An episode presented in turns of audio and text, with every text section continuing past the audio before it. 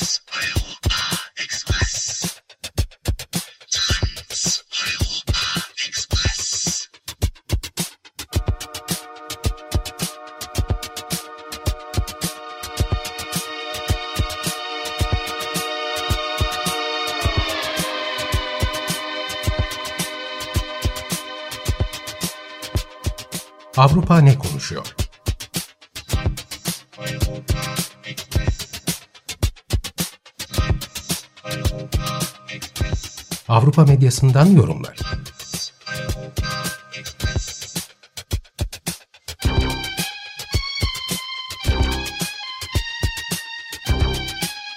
Hazırlayan ve sunan Tuğba Tekerek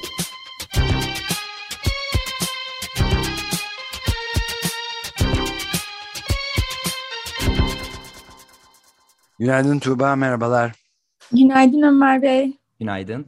Günaydın Özdeş. Evet, Avrupa ne konuşuyormuş? Bu karışık bir ortam var. Hem savaş, barış meseleleri var hem de Covid meseleleri var. Bakalım neler, sen neler diyorsun? Evet, ben de biraz Covid'den bahsedeceğim ama ilerleyen kısımda e, Eurotopics bültenlerinden seçtiğim ilk konu ve tartışma e, Fransa'dan.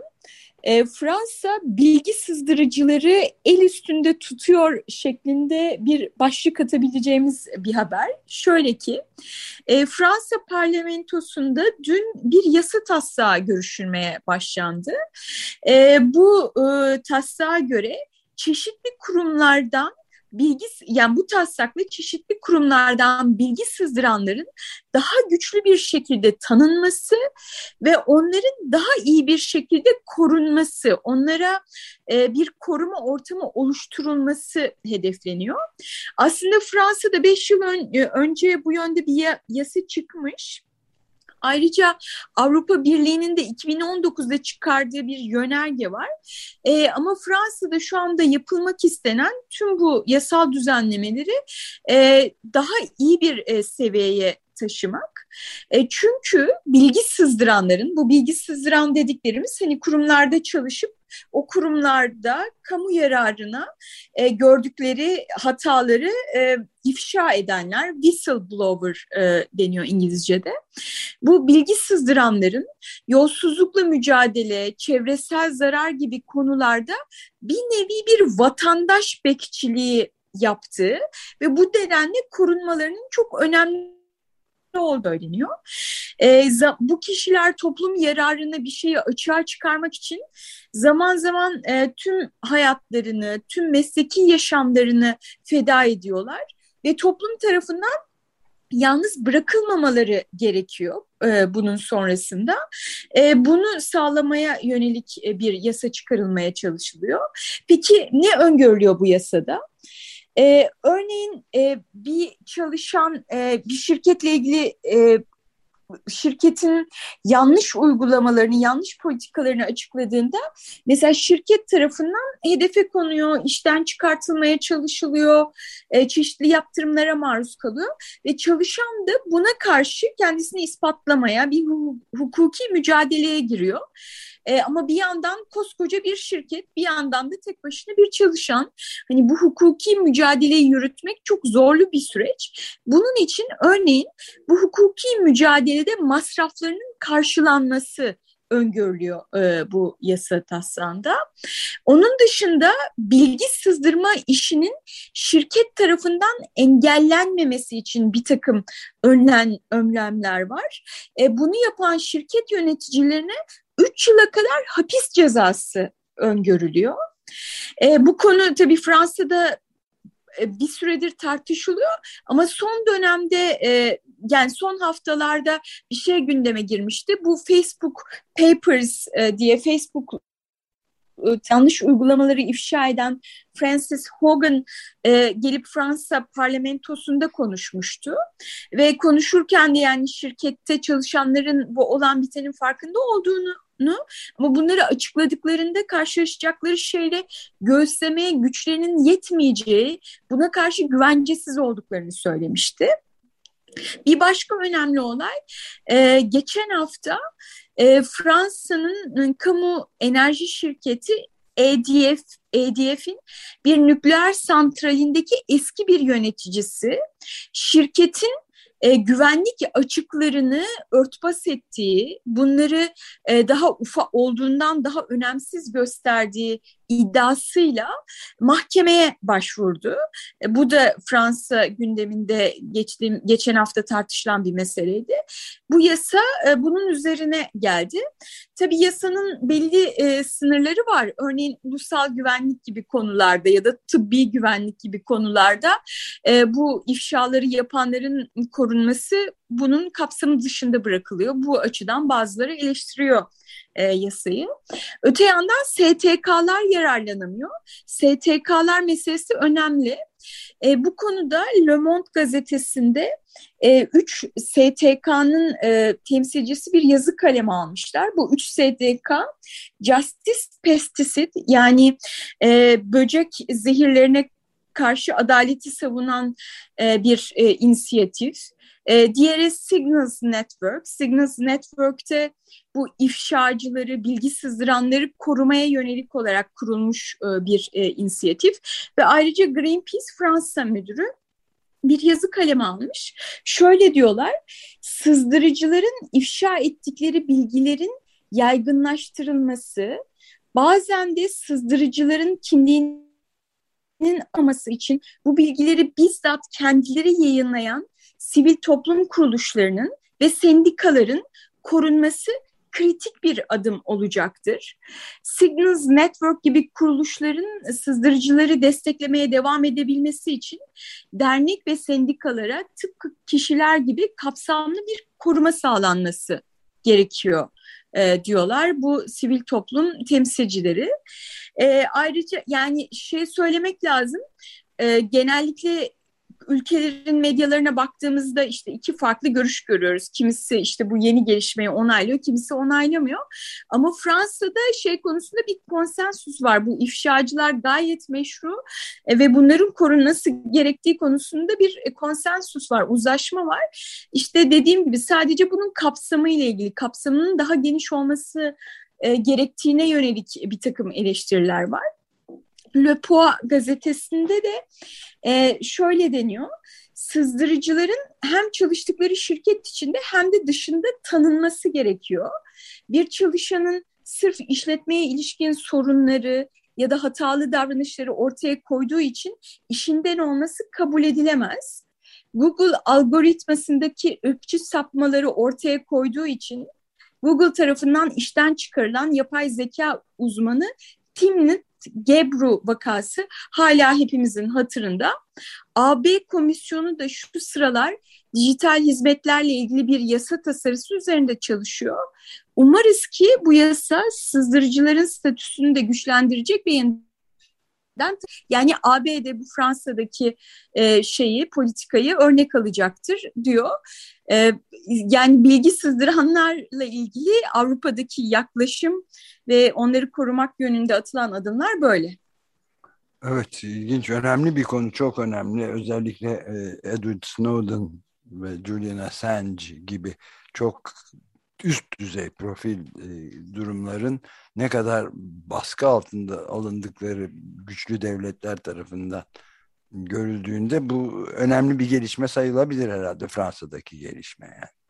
Evet, evet. Yani bir yandan hani bu çok bildiğimiz isimler var ama bir yandan da aslında hani şirketlerde irili ufaklı e, sızdırmalar var. Yani kimisi işte e, şey gibi e, Wikileaks gibi yani çok büyük ifşalarda bulunmuyor ama küçük şirket bazındaki ifşalar da son derece önemli. İşte bu dediğim e, Fransa'da işte nükleer santralin e, şeylerinin e, yarattığı tehlikenin örtbas edilmesi, küçük gösterilmesi konusundaki ifşalar ya da çalışanların çalışma koşullarının yönelik ifşalar yani böyle bir e, hani demokrasi ve hukuk devleti açısından bunlar son derece önemli görülüyor irili ufaklı olarak ve bunları e, tanımak ve korumak yönünde atılan adımlar bunlar. Önemli bir şey.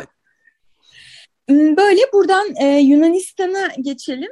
E, Yunanistan'da da e, geçen hafta e, Yunanistan Başbakanı Mitsotakis Hollandalı mevkidaşıyla e, bir görüşme yapmıştı Atina'da ve bu görüşmeden sonra bir basın toplantısı düzenlendi. Basın toplantısında başbakana pek de alışık olmadığı bir tarzda e, ve pek de alışık olmadığı bir soru e, geldi. Şöyle birebir aktarıyorum. Hollandalı gazeteci Ingeborg Beugel'ın sorduğu soru şöyle. Başbakan Mitsotakis geri itmelerle ilgili Yunanistan'da mültecilere ne olduğu ile ilgili yalan söylemeyi ne zaman bırakacaksınız? Lütfen ve tüm beni ve tüm dünyadaki gazetecileri aşağılamayın artık. Güçlü kanıtlar var. Siz yalan söylemeye devam ediyorsunuz. Neden açıkça Brüksel bizi yalnız bıraktı. 6 yıl bekledik. Kimse bir şey yapmadı ve evet biz de sığınmacıları acımasızca, barbarca geri itiyoruz demiyorsunuz diyor.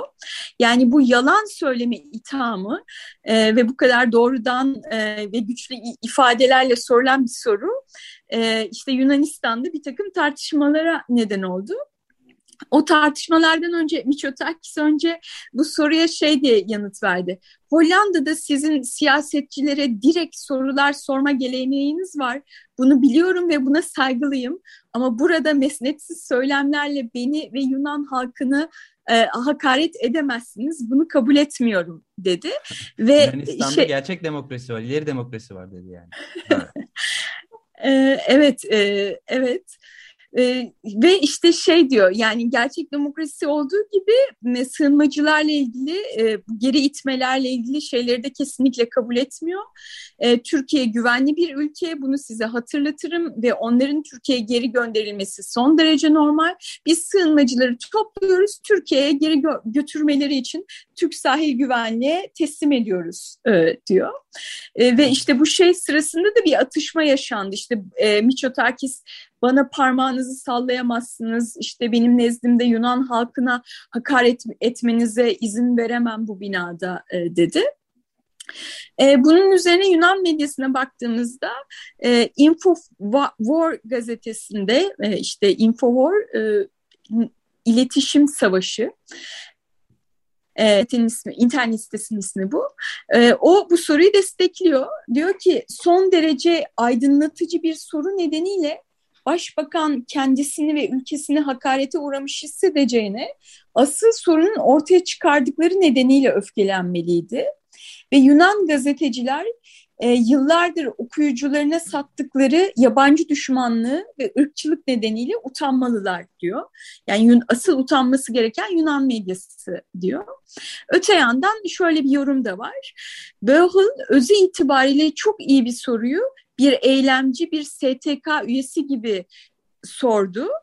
Anlaşılan o ki bu gazeteci Türklerin ve bazı STK'ların iddialarını kullanıyor diyor. Yani her şey bir şekilde gelip Türkiye'ye de bağlanmış oluyor. Ee, peki bu haber Türkiye medyasında nasıl e, sunuldu diye baktığımda orada da enteresan bir şey gördüm. Ee, sizce Yeni Şafak, Sabah gibi gazeteler böyle doğrudan bir soruya başbakana yalan söylüyorsunuz denmesine ne demiştir diye önce size sorayım. Takdirle karşılamışlardır. Kesinlikle, kesinlikle.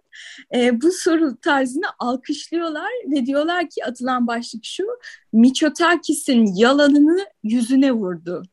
E, evet, yalanını yüzüne vurduğu için bu kadar güçlü bir ifadeyle bunu sorduğu için Yeni Şafak ve Sabah gazetesi bu Hollandalı gazeteciyi alkışlıyor.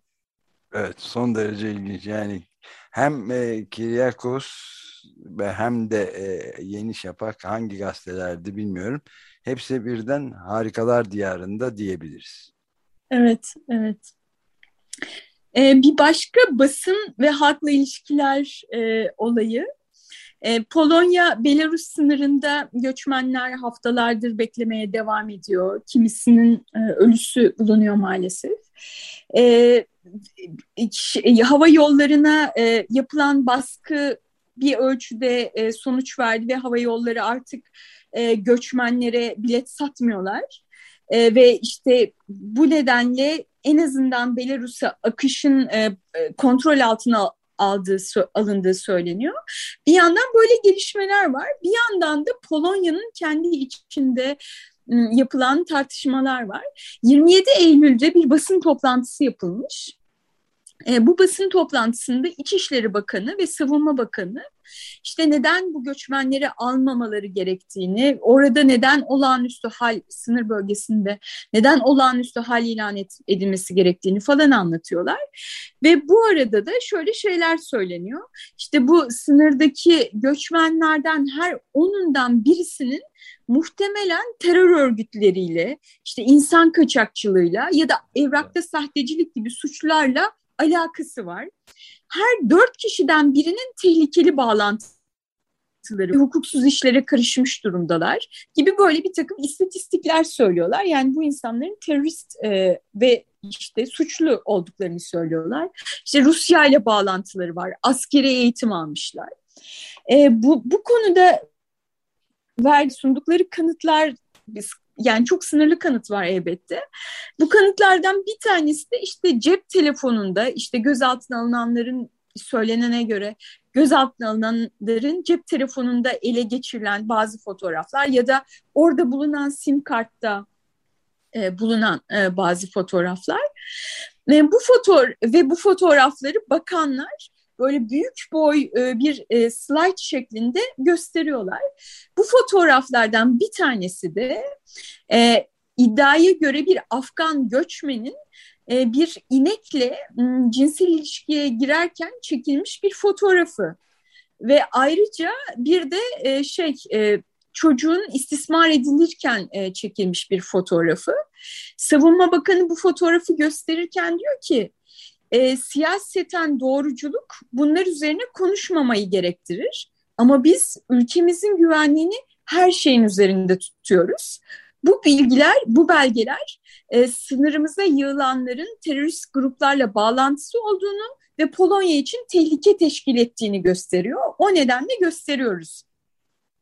Bunları böyle büyük boy olarak gösteriyorlar. Ama sonradan ortaya çıkıyor ki aslında o e, inekle birlikte görülen kişi bir Afgan göçmen değil, Savunma Bakanı'nın iddia ettiği gibi internette kolayca bulunabilen eski bir e, porno filmden e, bir e, kare. E, çocuk istismarı ile ilgili olarak gösterilen karenin de öyle olduğu söyleniyor. Yani işte e, Polonyalı bakanlar yılanları, sınırdaki göçmenleri terörist pedofil ve zoofil olarak e, gösteriyorlar. E, bu konuda işte Avrupa medyasından bazı yorumcular dehşete düşmüş vaziyette. Diyorlar ki işte bu bu fotoğrafları paylar bu fotoğrafın kaynağı eski bir porno filmdi. Aynı bakanlar göçmenlere terörist ve pedofil de dedi. Bu gelişmeler ışığında bakıldı. Bu gelişmeler ışığında bakıldığında AB Polonyalı ortağının ırkçı söylemiyle arasına mesafe koymak e, zorunda. Böyle bir siyasi ve ahlaki sorumluluğa sahip diyor. Yani biz e, sınırdaki e, göçmenleri görüyoruz e, ama ülke içinde onların resmedilmesi de bu şekilde. Bunu evet. yıllar önce Trump da aynı bu şekilde söylüyordu. Özellikle Latin Amerika'dan gelen göçmen e, konvoyları için teröristler, e, işte suçlular, tecavüzcüler geliyor. O yüzden duvar öreceğim diyordu. Onun da tabii hiçbir zaman kanıtını göstermemişti. Ama ben burada bir şeyi anlamıyorum. Teröristler falan deniyor ya buna dair kanıtlar da var deniyor.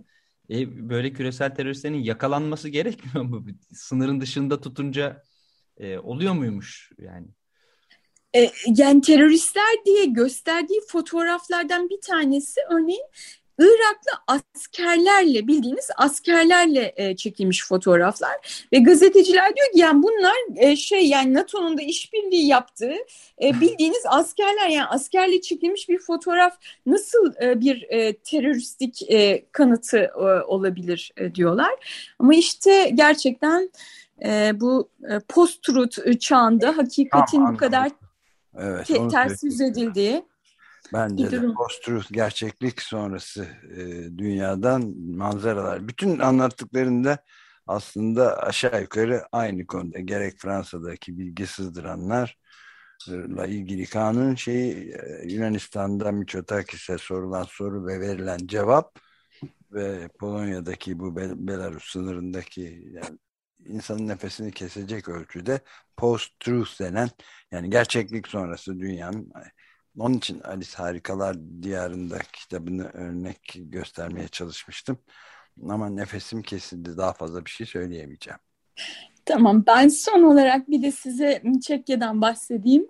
Ee, Çekya'da e, işte yani Avrupa çapında yükseliyor e, vaka sayıları.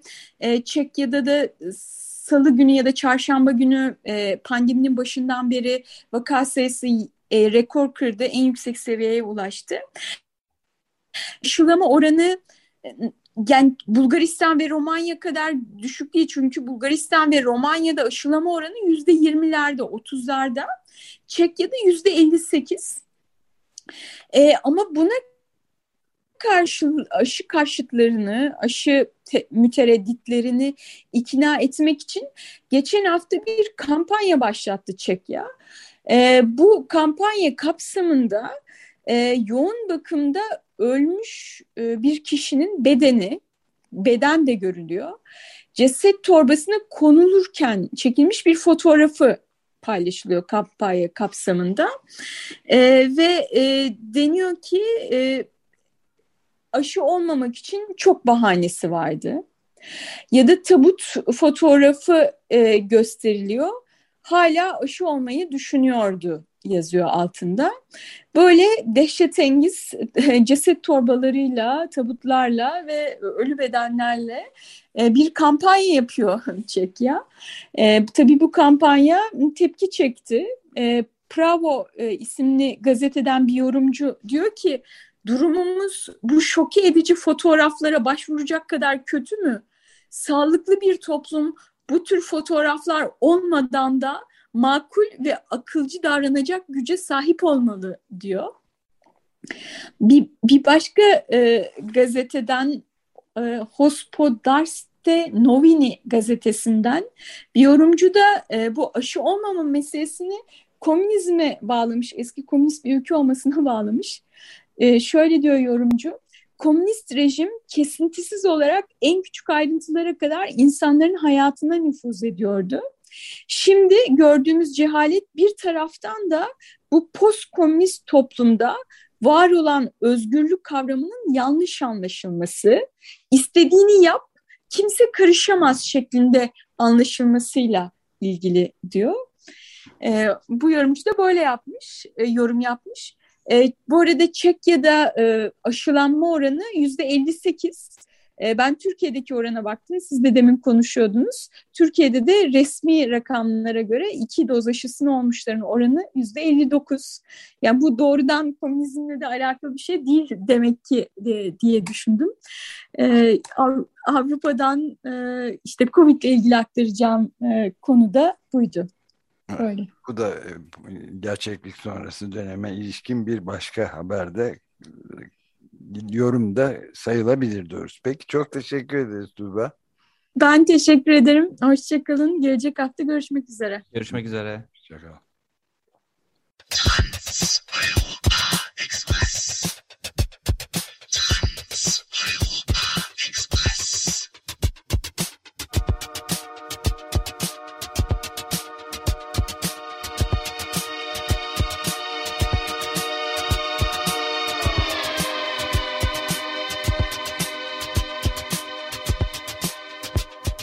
Avrupa ne konuşuyor?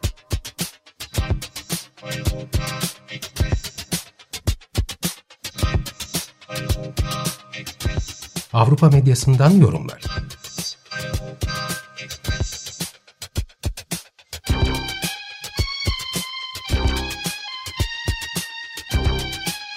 Hazırlayan ve sunan Tuğba Tekerek